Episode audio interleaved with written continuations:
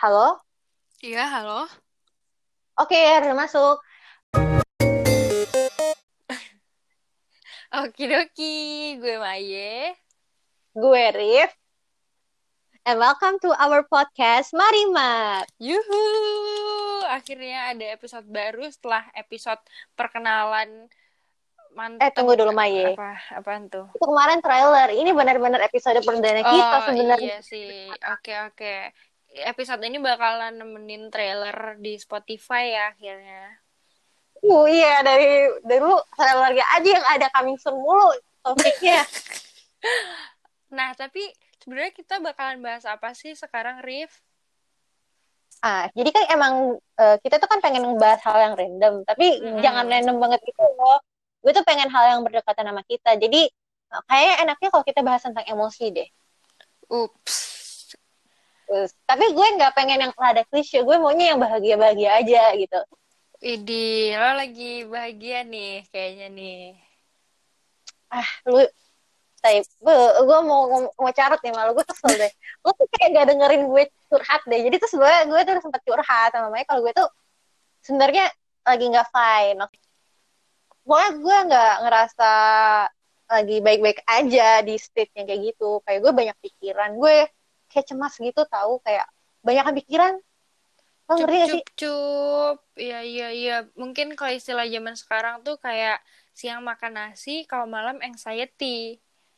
Eh, lu bisa-bisanya ya lo gituin gue ya. Tapi eh, masalah anxiety itu sendiri menurut gue setiap orang pasti pernah deh kayak cemas, pasti menurut gue. Pasti bisa. deh. Anjir, gue kagum banget kalau sama orang yang nggak anxiety. Ya, Yang benar-benar... karena ing- mungkin anak bayi sih, anak bayi pasti nggak punya Ah. anxiety. Enggak, bahkan anak bayi juga anxiety, cuy. Kayak Audio ini hilang karena sinyal yang buruk, bukan karena podcasternya yang carut. Kalau orang tuanya pergi kan mereka nangis ya, mereka cemas guys itu sebenarnya. Iya, bener takut takut nggak dikasih makan kali. Eh, enggak sih. Masa anak bayi takut nggak dikasih makan? Tapi gue berarti anxiety itu emang benar-benar hal yang lumrah dalam manusia berarti ya, sangat manusiawi kalau misalnya kita dari lahir aja sebenarnya udah anxiety. Bener banget. Nih, mak kalau gue ya, gue anaknya rada panikan, jujur. Gue rada anxiety kayak kalau mau presentasi di walaupun di forum yang kecil aja gue tuh bisa-bisa bener deg-degan banget sampai yang gemeter gitu loh, Rif. Ya, tapi at least lo masih bisa overcome itu kan. Maksudnya ketika Iya, lo udah itu maybe. hilang. Soalnya kan er- uh, ada juga nih yang disordernya yang benar-benar apa aja cemas. Kalau Ah, emang iya, iya, iya. kalian ngerasa kayak gitu, kalian harus lihat psikolog. Itu pesan Hmm. dari kami. pesan dari Aduh. kami mending mending menghubungi orang yang profesional ya guys Benar, karena itu emang hal yang lumrah sih. Kalau untuk lo, lari ke psikolog aja biar Mm-mm. cepet ditanganin tapi gue Oke. nggak tahu ya. Gue nggak tahu. Menurut gue anxiety ini lagi lagi hype banget kata-katanya. Karena gue nggak tahu ini mungkin efek pandemi gitu tahu. Kayak ketika lo pandemi, lo karantin, lo self karantin, lo tuh lebih banyak menghabiskan waktu untuk diri lo sendiri. Yang mana Bener, ketika bener banget Mm-mm. Bahkan gue ngeliat kan temen gue yang yang kira-kira kalau bisa dibilang kerja mulu lah gitu. Tiba-tiba harus berhenti nih. Yang biasanya organisasi mulu, yang biasanya ngepanitiaan mulu, tiba-tiba harus berhenti nih gara-gara pandemi. Jadi dia kayak punya waktu buat diri dia kan. Mm-mm. Kayak dia mulai berpikir, berpikir, berpikir. Kayaknya menurut gue ya, karena waktu sendiri tuh banyak orang yang jadi overthink gitu loh. Gara-gara ini. iya bener karena emang nggak ada lagi yang bisa dilakuin gitu loh karena ya udah apalagi yang bisa lo lakuin dengan mudah ya itu adalah cuman mikir ya, kok menurut gue kenapa ini bisa tinggi ting- tingkat anxiety? Gue nggak baca riset, nggak baca apa, tapi Mm-mm. gue sempat dapet form dari teman gue menge- mengenai penelitian tentang anak-anak psikologi tentang kecemasan pada saat pandemi. Gue tuh udah dapet gitu formnya itu. Isi. Berarti kan uh, ketika udah ada penelitian tentang itu, berarti sesuatu itu emang benar-benar terjadi dan orang ingin mempelajari itu kan gitu loh. iya udah ada hipotesis-hipotesis yang di ini kan kan Iya. Kayak gue nggak tahu sih anxiety itu kayaknya mungkin bisa jadi emang cemas aja gue nggak ngerti tapi mungkin gara-gara overthinking sih menurut gue ya. Menurut gue ada hubungannya sih antara anxiety sama overthink kayak kalau kebanyakan mikir juga lama-lama lo pasti cemas kan Mm-mm. gitu. Tapi menurut gue eh, gimana ya? Eh, buat ini sih sebenarnya bukan bukannya gue mau menggurui atau gimana karena gue juga masih kadang rada overthink tentang sesuatu tapi ada sesuatu yang ngasih tahu gue eh kok sesuatu pokoknya gitu. Tips gak sih? Tips gak sih Iya, bahasanya? ada tips gitu. tips. Iya, maaf susah deh. banget deh lo ngomong tips. Hmm, maaf deh. Ah lu mah. Nangis. Jadi ada tips yang ngasih tahu gue kayak sebenarnya kalau kalau bisa lo tuh ngebedain gitu loh. Lo mikirin hal yang bisa dikontrol sama yang lo nggak bisa dikontrol eh ya udah ini cut ya nanti gue beribet. Udah gak apa-apa deh gue tahu lo hampir keceplosan. Jadi kayak gue bakal membiarkan ini ada di podcast ayo lanjut Iya, jadi kayak eh, kita harus bisa ngebedain mana yang emang harus kita pikirin sama mana yang kayaknya nggak perlu deh kita pikirin. Gitu. Ngerti nggak sih lo, Rifda? Iya, tapi menurut gue eh, apa sih yang harus lo pikirin, apa yang nggak harus lo pikirin gitu loh? Jadi lo Karena- ngetes gue ya. Enggak, gue nggak ngetes lo, karena menurut gue kayak apa sih kayak I, I think kayak kita tuh butuh loh barriernya gitu. Karena takutnya nih ya, kayak misalnya eh, pilihan hidup, misalnya lo habis dilamar gitu kan, Oh terus my ada terus ditanya yes or no, lo gak mikir gitu loh. Padahal kan itu pada saat itu kan harus mikir Lo gitu loh. cip cup aja gitu. Jadi kayak biar jelas nih apa nih gitu. Iya, jadi nih kayak maksudnya gini loh Rifda, aduh lo ngetes gue ya. Apa yang ada hal-hal yang harus lo pikirin dan ada hal-hal yang harus kayak ya udah lo serahin aja itu bukan porsi lo kayak misalnya yang harus lo pikirin tuh apa ya? kayak Kenapa gue jadi bingung sih? Nih, Wis lo serius banget sih Rifda, gue jadi takut. Sebenarnya ada skripnya ya. baca deh, baca deh. Mai, lo Iya. mending buka deh. Lo jangan sosokan gue ngafal deh. Lo tahu. mending baca deh. Ini depan Kita masih gue, newbie, boy. depan gue skrip BG. Maaf Nih. ya, kita emang pemula. Jadi emang pakai skrip. Tapi maksud gue kayak, ya kalau lo pemula lo baca aja skrip. Anjir, lo gak, gak usah pura-pura gak baca, Mai. Nih, skripnya tuh bentuknya cuman A. Mayi kasih tahu yang bisa dikontrol dan Eh, eh, eh, jangan kasih tahu rahasia. Rahasia, rahasia itu, rahasia perusahaan lu. Itu maksudnya gue baca kayak gitu kan harusnya gue improv cuy. Udah, udah, udah bahas deh. Banyak lu. Ya. Yang penting yang pasti sebenarnya hal-hal yang bisa lo kontrol adalah kayak ya misalnya nih gue cerita aja kali ya bentuknya cerita kayak misalnya lo ujian Hmm. ujian kayak ya udah hal-hal yang bisa lo kontrol adalah lo usaha lo belajar dengan giat dan semampu lo nah hal-hal yang nggak bisa dikontrol adalah kayak eh, suhu udara yang terlalu dingin mungkin nanti bakal bikin lo nggak konsen atau suhu yang panas bikin lo jadi gerah atau pengawasnya galak atau pengawasnya baik. Itu kan nggak bisa lo kontrol. Jadi ya udah nggak usah dipikirin. Yang lo pikirin tuh yang yang bagian belajarnya aja. Masalah nanti apa yang lo pelajarin itu bakal keluar atau enggak di ujian yaitu urusan yang emang nggak bisa lo kontrol. Jadi kayak nggak usah nggak usah apa ya nggak usah ketakutan dulu gitu loh. Karena kadang ketakutan ketakutan lo tuh di pikiran lo doang lo lo sendiri yang yang apa ya yang yang yang overthink yang mikirin hal-hal yang bukan porsi lo untuk pikirin. Kayak kalau katanya orang yang bijak tapi gue lupa maaf pak saya lupa Sumpah ya, ini audio hilang lagi, hilang lagi. Gue udah bingung banget mau nambelnya pakai apa. Jadi gue kasih audio kayak ginian aja ya. in Halo? reality gitu halo pasti putus kan udah gue tahu banget emang nih shitty post shitty podcast Oke, eh, tapi gue mau sum up aja deh yang lo bilang. Jadi intinya adalah yang harus lo pikirin itu lebih kayak ke perspektif dan aksi lo kan, sesuatu yang bisa lo kontrol. Ketika nggak bisa lo kontrol jangan dipikirin Benar, kayak Benar ya? cuaca hari ini, misalnya lo bakal ngadain hajatan besok, aduh besok hujan nggak ya? Ya udah nggak usah dipikirin. Emang emang lo bisa kontrol hujan? Lo kira lo avatar pengendali air apa gitu? Avatar nggak ngendaliin itu nggak ngendaliin cuaca btw Eh, yang dari deh. cuaca itu ada tuh superhero gue lupa rebutnya gue Iya, ya maaf deh gue nggak ngikutin nggak ngikutin cerita superhero. gue juga Gitu, enggak Re. btw ya tapi gini loh m- nah kan lo bisa ngontrol nih perspektif sama aksi lo. Ketika Insya lo tahu outcome-nya outcome-nya nggak bisa berubah misalnya lo nggak tahu kan outcome-nya bakal hujan bakal apa. Tapi lo Mm-mm. karena bisa membangun perspektif yang baik lo jadi solutif.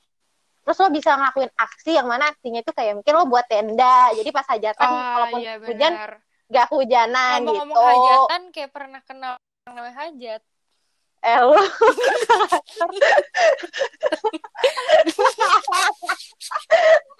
Oke, ini pada gak ada, gak ada yang tahu, tapi gue mending keep deh, gue keep, gue. Iya, baiklah. Kalau kalian tahu hajat itu siapa ya udah nggak apa. Kurang ajar loh. Oke. Nah, nilai-nilai yang tadi kita bahas itu sebenarnya lo tau gak sih ada itu emang ada pakemnya. Ada Hmm. apa ya? Ada bukunya BTW, lah BTW. gitu. Apaan? BTW, gue izin makan permen dulu ya. Udah Ih, masuk, gue baru nyadar Allah. gak profesional. Ya Allah, Rifda ini kasihan yang yang dengerin kalau emang ada yang dengerin ya. Itu kasihan anjir. Ini- Kayak maksudnya apa gitu loh. Nah, buku nih gue langsung bahas aja ya, Rifda. Lo terserah deh urusan urusan permen lo urusin dah semua. Jadi nilai-nilai yang tadi kita bahas tentang memilah-milah mana yang harus kita pikirin dan mana yang enggak seharusnya kita khawatirin itu tuh ada tau itu ter- terdapat pada nilai-nilai stoicism Wes, mantep. Tahu mantep nggak nggak sih? gue ada Eh, di gue tahu. makanya gue kayak pinter Please jangan di bring up script lagi. Atau orang pada pikir kita cerdasnya artifisial. ya nggak apa-apa Tapi sebenarnya lo ngomong stoik stoik stoicism stoicism tuh karena lagi mainstream aja kan. Kalau lagi nggak mainstream juga pasti gak bakal aku bahas. iya gue nggak seindie itu sih iya iya, gue juga gak sendiri itu. Tapi ya, bener-bener anjir, gue kalau ngeliat ke mana-mana tuh stoicism tuh di mana-mana. Iya Lo kan tau gak? Lo tau gak sih buku yang The Subtle Art of Not Giving a Fuck? Gue gak tahu ya itu bener gak gue nyebutin nama ipingnya. Tapi lo tau lah buku Insya Allah Yang- sebuah seni untuk bersikap bodoh amat yang warnanya Mm-mm. ngejreng. yang warnanya ngejreng oranye dan lo tuh bisa ngeliat itu dari Gramedia sampai ke bandara anjir. Anjir kan Gila. sampai padahal bandara kan harusnya nggak jualan buku ya. Kan ada toko bukunya juga sih. Oh, Cuman iya, kayak iya. Masa di toko buku mana pun tuh ada anjir tuh buku. ada Gue dan sampai bosen. dan seringnya malah gak dipajang di depan gitu kan Rif? Kayak Iya. Lo mau tau gak sih saking ini bukan bosennya gue ya lihat guys. Kita nggak di Iya. tapi gue nggak tahu ya. Gue nggak tahu nih ada penelitiannya atau enggak tapi menurut gue sesuatu yang terlalu over dipajang gue jadi gak appetizing lagi. Gitu nggak buat gue gue jadi gak pengen beli. So so edgy banget sih lu ya Rifda gadis edgy ya ternyata. Gadis magazine. Wes majalah gadis. Nggak gue nggak pernah. Nanti orang-orang pada cari lagi gue di majalah gadis. Ngawur. Tapi eh, pokoknya gue baca lah reviewnya. Maksudnya walaupun gue gak tertarik buat membeli tapi gue tertarik untuk tahu. Jadi gue baca Oke. reviewnya gue baca gue baca. Ternyata itu tentang stoicism juga tapi lebih modern tuh aja. kan tuh kan. Kayak, akhirnya ujung-ujungnya stoicism lagi. Terus Mm-mm. gue nonton PewDiePie. Lo tau PewDiePie kan? Nomor satu itu di YouTube. Uh youtuber kirain siapa sih yang nggak tahu dia? kirain si itu. Eh lu jangan lu tuh nyinyir banget Mike. Lu dari tadi ya. Oke lanjut deh ke bahasan gue ya jadi PewDiePie aja yang sehumoris itu tiba-tiba ngebahas tentang stoicism. Dan gue nonton Raditya Dika. Raditya Dika mengakui bahwa dia adalah seorang stoik. Jadi kayak anjir stoicism stoicism stoicism banget banyak banget woi stoicism. Iya hype bener. banget. I- iya Rif. Maksudnya kayak uh, soalnya gimana ya walaupun memang mungkin stoicism tuh nggak nggak secara langsung bikin lo langsung bahagia atau gimana tapi seenggaknya dengan yang gue bilang tadi dengan lo memilah apa yang bisa lo pikirin sama yang nggak perlu lo pikirin lo tuh jadi lebih tenang gitu loh dan itu kayak jadi ya udah jadi kayak lo nggak dalam tekanan aja gitu loh. Taruh, jadi lo imply kalau misalnya stoicism itu kadang bisa du, apa ya menjadi cara hidup the way of life yang bisa lo buat lo bahagia gitu. Kalau iya lo implement. insya Allah Mm-mm. Bagus, bagus, bagus. Berarti tandanya lo baca skrip. dan melakukan gladi dengan baik Iya. Jadi sebenarnya nih orang-orang mungkin kayak pada tahu nggak sih sebenarnya stoicism apa? Mungkin udah pada tahu sih. Kayak kalian juga lebih lebih menjelajah di internet mungkin lebih baik daripada kami berdua. Tapi bagi yang nggak tahu, biarkan Rifda menjelaskannya dengan baik. Silahkan Rifda. Terima kasih saudara Mayerina atas kesempatan yang telah diberikan. Saya akan menjelaskan Iya. mengenai stoicism secara singkat. Jadi stoicism Baik. merupakan salah satu filosofi dari tidur bentar lagi. Oke, jadi uh, stoicism itu cabang, aduh, cabang filosofi uh, dari Yunani yang mana stoik itu kalau dari bahasa Inggris kan artinya kayak uh, tidak bereaksi atau apa. Jadi itu kayak Mhm. uh, jadi lo tuh rata-rata orang yang stoik itu mereka itu tidak terlalu reaktif terhadap uh, suatu-suatu kejadian yang terjadi dalam hidupnya dia. Nah, stoicism ini sendiri sebenarnya dari uh, salah satu fil salah satu filsuf dari Yunani namanya Zeno. Terus, hmm, eh, gue kayak hafalan anjir. Tapi pokoknya gitu deh stoicism. Intinya Emang gitu guys. tapi kayak kalau stoicism sendiri pokoknya kayak tidak bereaksi jadi mungkin kayak lebih netral aja gitu loh kayak ya udah gitu lo tuh hidup lempeng-lempeng aja gitu loh kalau gue lihat dari filosofinya Ih, tapi emang bener sih, Rif. Maksudnya salah satu yang diajarin nama Stoicism tuh tadi selain yang kita harus ngontrol pikiran kita juga kita harus apa ya memandang segala sesuatu tuh dengan netral aja gitu loh. Karena karena yang apa ya yang ngasih per- perspektif sebuah situasi itu baik atau buruk itu kan kita sendiri kan. Kayak iya. kayak misalnya kegagalan nih. Perspektif kita berdua tentang kegagalan mungkin beda gitu kan. Kayak ya gitu. Jadi emang kita diajarkan untuk netral lempeng dan kayak ya udah stoik. Hmm ntar pokoknya sih intinya lo ini sih tahu eh, di stoicism tuh diajarin lo tuh tahu alasan dari suatu kejadian terus kayak lo pintar evaluasi lagi terus lo mikir Iya. tentang bilas emosi lo muka lagi. gosok gigi evaluasi ya. Wes. Itu apa lirik lagu? Enggak. enggak enggak enggak enggak lanjut aja deh Oke. Gue kira soalnya si teman kita nih Mayarina suka sekali membuat reference, tapi gue gak ngerti. Karena kebetulan kita emang beda genre ya. beda genre Oke. Em, tadi lo ngomongin apaan sih sebelum gue potong dengan bilas muka gosok gigi evaluasi jujur gue lupa. tapi intinya sih ya tadi gue bahas yang penting bisa ini sih ngontrol. ngema- ngeman ya ngontrol. Ngeliat lagi. Evaluasi juga- ya Mm-mm. Pok- intinya adalah benar kata lo tadi eh, lo intinya itu dalam stoicism yang penting lo tuh eh, bisa membedakan hal yang bisa lo kontrol dan enggak yang enggak bisa lo kontrol. Karena itu emang udah itu core core-nya deh. Iya berarti kalau udah bisa itu lo bisa jadi stoik deh. Itu titik yang paling apa ya ya garis besarnya tuh cuman itu doang gak sih? Iya enggak gue nggak tahu sih gue nggak tahu. Tapi so far dari yang kita riset so far so, So far, good iya. iya yang diajarkan itu dari stoik itu seperti itu. Makanya orang yang stoik itu cenderung ketika terjadi sesuatu itu gak terlalu reaktif gak terlalu reaktif. Bahkan salah satu pengikut stoicism ini ada gitu anaknya meninggal. Terus dia langsung jawab dengan entengnya gue tahu kok dari dulu anak gue itu gak kebal anjir gue udah kayak oh uh gue mau kayak gitu tapi gue juga rada ngejelap sendiri gitu loh Iya sih. Iya sih. Wow, itu gue gue terkejut loh.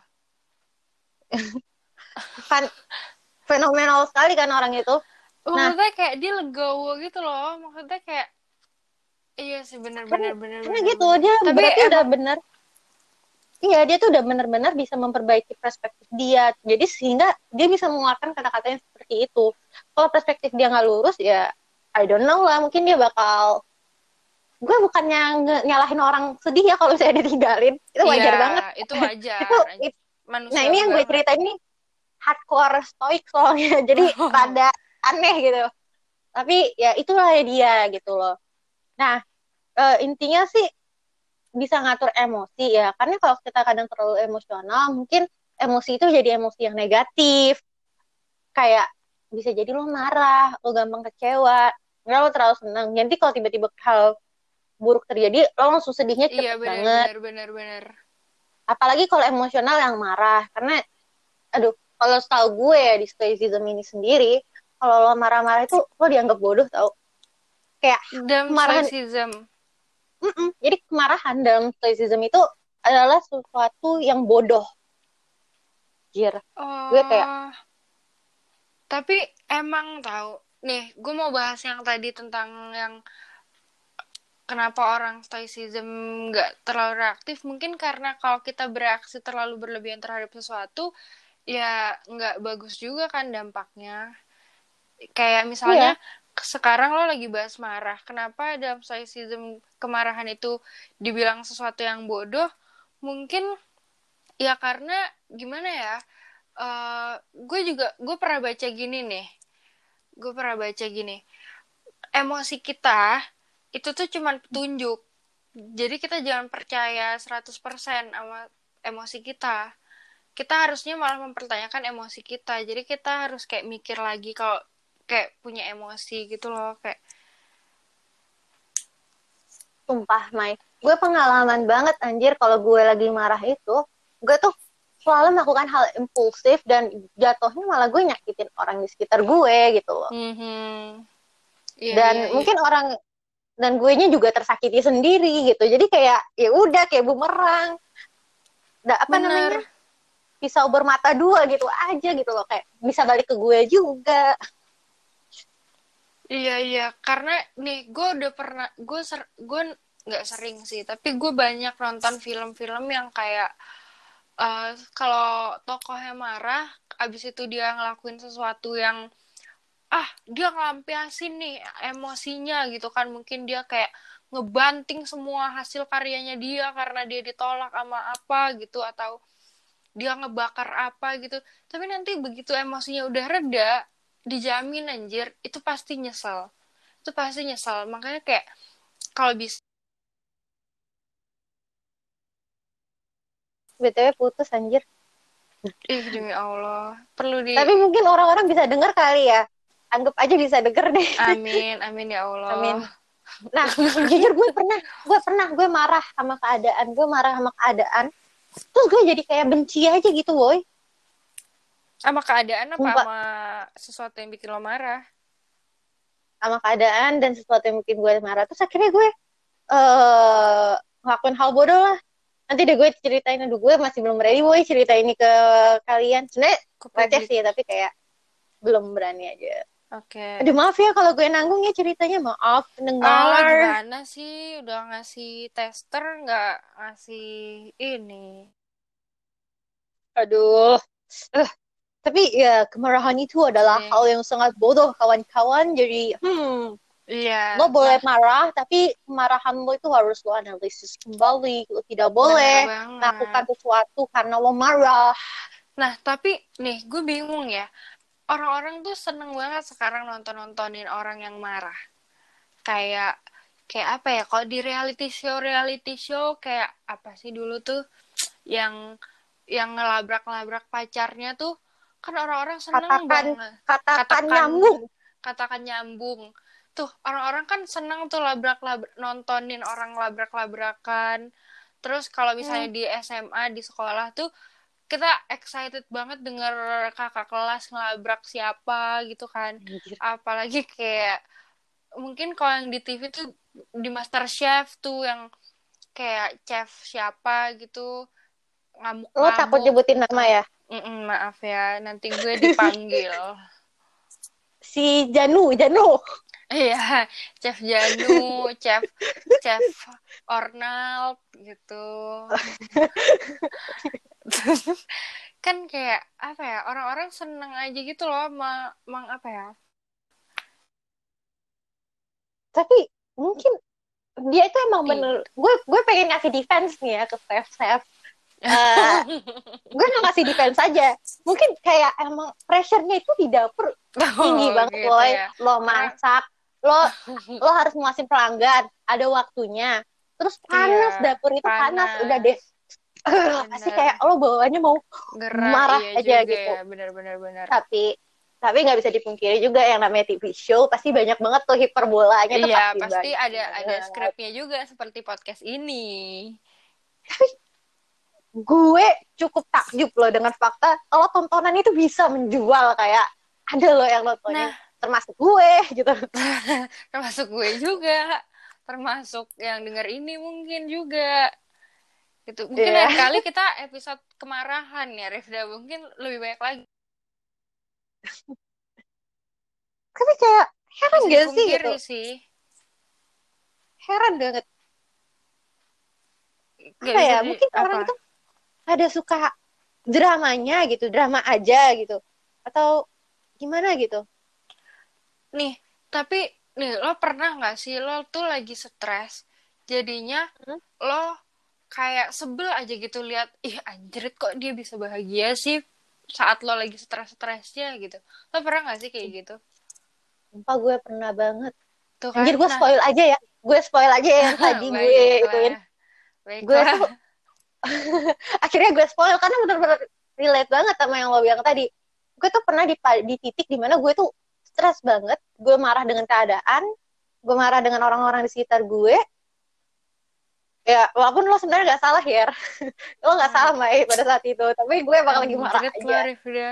terus gue ngeliat salah satu snapgram temen gue yang gue nggak kenal cuman mutualan aja. Gue tahu aja dia kalau dia tuh Mhm, anak kelas mhm. sebelah terus sumpah tuh Instagramnya udah kayak Alkarin titik titik titik oh my Gue god liat. kayaknya gue tahu. Ya lo tahu. Terus gue kayak anjir nih orang bahagia banget. Terus ngapain ya gue ngabisin waktu cuman buat ngeliatin dia padahal gue nggak kenal sama dia. Bahkan kalau ketemu sama dia gue gak nyapa anjir. Eh, eh, gue eh. tapi gue nontonin snapgramnya sampai abis kayak gue benci banget yang ngeliatnya di bahagia mulu lagi. Nongkrong sana nongkrong sini. Gue ada sesak gitu lo mau tau gak hal yang gue bu- hal bodoh yang gue lakukan apa? Apaan gue delete instagram gue Allah Akbar gara-gara si satu biji orang itu bahagia iya goblok. Wow. Wow, tapi mungkin itu juga yang mendasari orang-orang jadinya pengen lihat orang marah aja daripada lihat orang bahagia mungkin karena stres juga. Karena lagi Iya. capek juga. dan the drama sih drama dan Iya stres sih. Drama tuh seru sih jujur. Ya, Jujur. I'm here for the tea. Balik lagi nih ya. Balik lagi ya. Menurut gue sih energi negatif yang seperti itu ketika lo misalnya lagi sakit banget nih istilahnya mental lo bukan bukannya masuk kayak atau mungkin lo lagi capek banget nih secara mental terus lo masukin film-film atau energi-energi negatif itu ke dalam diri lo menurut gue nggak baik banget sih ke dalam iya, mental. Iya benar-benar. bahkan lo sempat baca nggak sih dulu pas film Joker? Itu kan pas itu. Bener. Ya kan? Lo dikasih apa sih panduan ketika lo nggak mentally stable? Iya, apa? padahal gue Karena- penasaran banget. Tapi pas itu me- mental gue lagi nggak stable. Gue gue sadar Wah. diri. Nonton. Tapi berarti impact-nya tuh kayak gitu banget ya ke orang-orang. Kayak wah gue inget banget gue inget banget. Gue jadi takut gue rada takut tonton Joker gara-gara itu kayak iya. Tapi the- apa ya film-film Batman sebelumnya Heath, Heath Ledger siapa sih namanya iya Heath Ledger ya? Heath Ledger Heath atau Heath ya itu deh maaf deh maaf ya Allah orangnya udah gak ada loh Rifda iya gue kan nggak ngejelek-jelekin demi Mister- Allah ya Mr. Ledger aja deh Mr. Ledger eh, almarhum Mr. oh Ledger iya kalau mau ketawa dosa lo eh Udah enggak astagfirullahaladzim Rifda lo seuzon oh ya udah jadi almarhum Mr. Ledger ini sempat memerankan Joker kan. Terus uh, pada akhirnya fans-fans fanatiknya dia malah melakukan hal-hal sadis. Itu kan sempat kan kejadian? Ah bener bener bener. Emang si tontonan tuh emang ngaruh ya sama kita. Iya. Kalau nonton Under Spot. Itu kan sempat dibahas. Iya Under Spot. Itu sempat WTW uh, ya jadi deh. Gue tadi ada pesan masuk jadi gue agak juga ya. Oke. Okay. gara-gara Under Spot. Nah, tontonan selain yang bikin apa ya bikin stres tuh ini gak sih Disney juga dulu pernah yang kayak gara-gara apa tuh ya gara-gara ini Tanglet Rapunzel jadi Kenapa? banyak gitu loh orang yang cewek-cewek yang kabur sama pacar yang baru ditemuin sama dia. Eh, seriusan lu? Lebih apa? Gue gak tahu. Serius, makanya tuh kocak.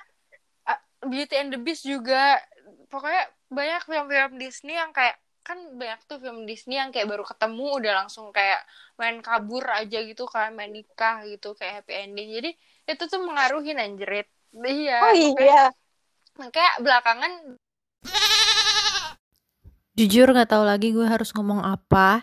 Ini audio hilang lagi, hilang lagi. Capek deh. Gitu deh. Tau nggak? Tadi tuh kak suaranya hilang. Jadi gue diem-diem iya iya doang. Kok suaranya hilang di gue. Kurang aja. Tapi gue gue berharap nanti di recording ada sih. Kalau nggak ada ya udah deh gue gue itemin aja. Nanti gue feel aja suara gue kayak ini sebenarnya ada tapi hilang gitu. Nanti gue kasih gitu. BTW untuk pendengar semua dan teman saya Irin, saya izin makan permen lagi ya. Emang tadi udah habis? Udah. Allah Akbar udah lo gigit ya permennya. Apa? Lo gigit. Enggak, enggak gue gigit. Gak bagus woy kalau digigit, tapi emang permennya kecil.